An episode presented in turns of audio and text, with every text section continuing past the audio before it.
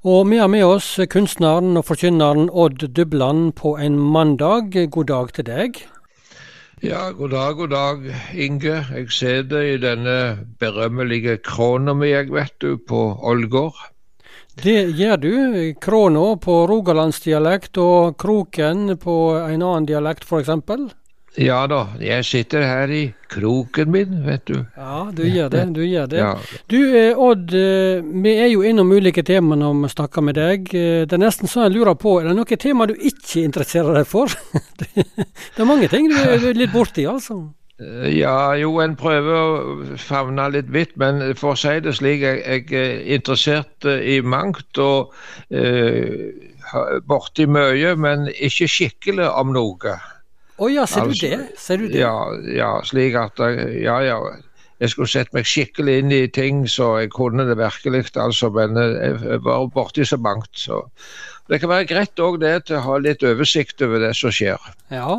Er du en litt nysgjerrig kar? Har du vært det hele livet, eller? Ja, det tror jeg kanskje jeg har vært, Ja. men ja ja ja. Du, når vi skal drøse i dag, eh, så skal vi snakke om en mann som er omtalt i Bibelen, og han har skrevet òg mange brev i Bibelen.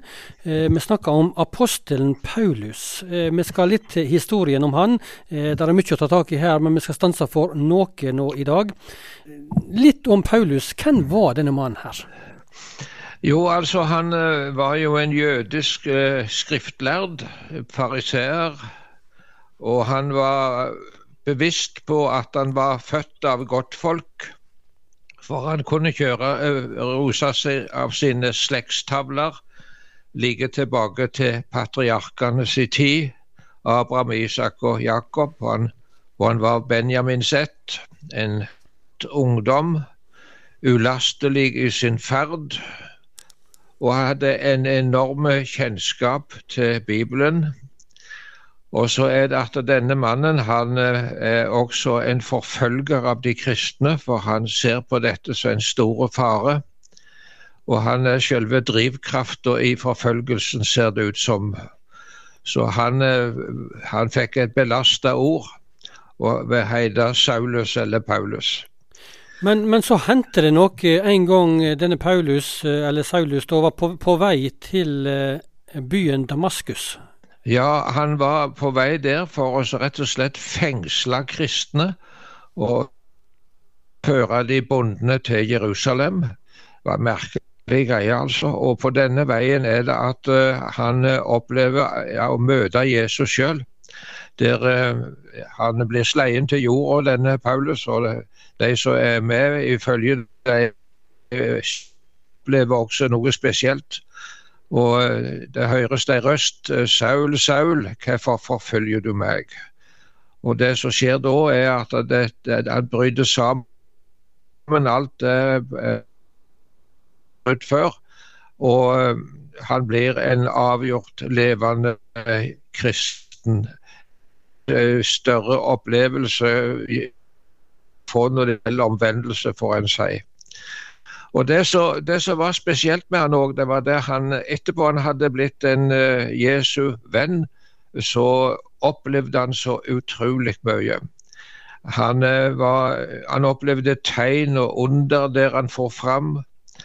Og eh, han hadde også noen merkelige opplevelser, bl.a. i dette tolvte kapitlet i andre Korinterbrev, så er han så veldig personlig om akkurat det. Ja, for han skrev altså et par brev til denne menigheten i byen Korint, eh, Paulus. Eh, og i dette andre Korinterbrevet, kapittel 12, eh, du sier han er spesielt personlig. Hva tenker du på?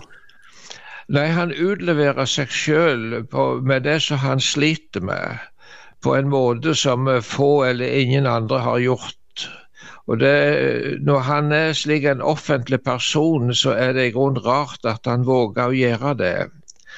Men det, det som kanskje var en fristelse for Paulus, det var nettopp det at han hadde opplevd så mye fint og stort. Og han eh, forteller det i dette kapitlet at han, han ble ryktet inn i paradis. Og det var flere år siden dette hadde skjedd. og han hadde da fått hørt useilige ord, så det ikke var tillatt et menneske å tale. Det er merkelig det er der du, Inge. Ja, hva, hva, tenkte han på da, eller hva var dette her for noe? Nei, han ble innvigd i hemmeligheter i himmelen, så han ikke hadde lov å fortelle på jorda. Og hva det var for noe, det vet vi ikke noen ting om. Men det var en veldig opplevelse som Paulus hadde fått. Og så er det det at denne mannen med denne enorme kunnskap, og han er jo blant hedningene, med sin forkynnelse, og de så, har så lite kunnskap, mange av dem. Og han er dyktig, denne Paulus, og så er det en fristelse som kan komme. Det er fristelsen til hovmod. Jaha, si litt om det. Ja, Hovmod er noe av det farligste som fins. Og det har ødelagt så enormt mye i denne verden. Vi har eh, Vi kan tenke på politiske ledere som ble fylt av hovmod. Vi kan tenke på Hitler og den uh, gjengen som var rundt han. Det var ikke annet enn hovmod som drev de. Og dessverre så er det Putin som tok opp den arven nå og skal være så stort og svært. Og hovmod det kan også øyelegge i kristne forsamlinger når det er ledere så faller i denne fristelsen til å utvikle et veldig ego og se ned på andre. Eh, det, denne fristelsen den kom kanskje også til Paulus. Og For at han ikke skulle bli håndmodig, så er det at uh, han opplever noe veldig vanskelig noe. Ja, hva er det? Ja, og det er det han skriver om i dette brevet. Han sier det at uh, han uh, har fått en torn i kjødet. Jaha, og hva, ja, hva var det ja, for noe? Ja, Han kalte det en Satans engel. Det var noe som slo, og noe som stakk, og noe som smerta veldig. Og hva det var for noe, det vet vi ikke. Ingen kan si det hva tårnen i kjødet var. Men en har nå gissa på mange ting. En, noen har snakket om at det var en sykdom han bar på. Andre har vært inne på tanken at det er selve det gamle mennesket som han sleit med.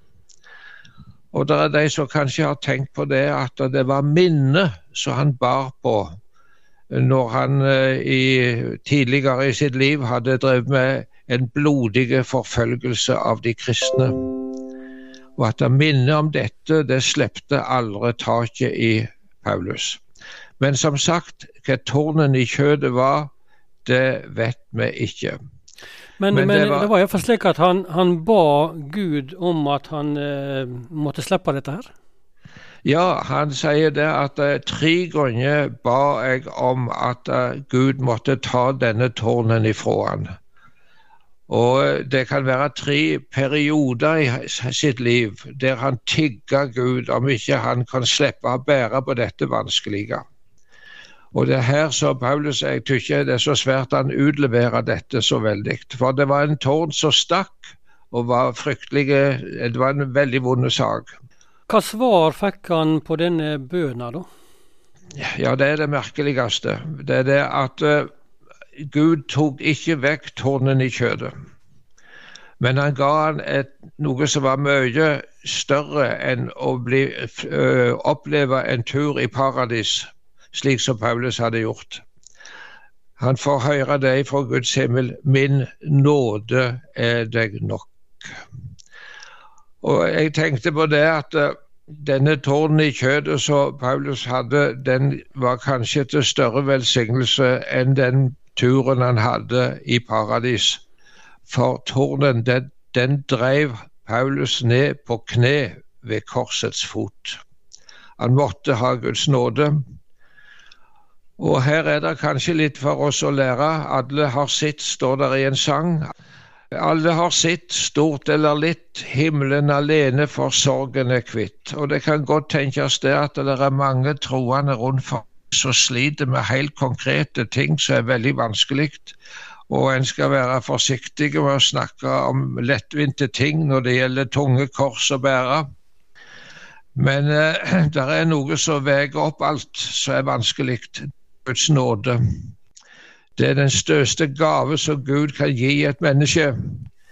Det å få syndene tilgitt og være frelst og fri, det er så uendelig stort at vi kan ikke finne navn på det i grunnen. Og Det som Paulus sier det til slutt i dette, det er det at når jeg er veik, da er jeg sterk, altså.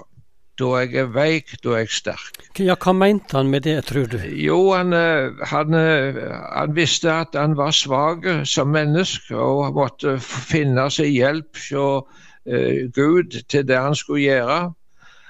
Og det tror jeg er litt av en nøkkel til gudslivet vårt, at vi er avhengige av Guds nåde for hver en dag. Ja. Hjertelig takk eh, skal du ha, Odd Dubland, for det du delte med oss i dag. Du kan lese denne historien fra Paulus sitt liv i andre Korinterbrev, kapittel 12 i Det nye testamentet.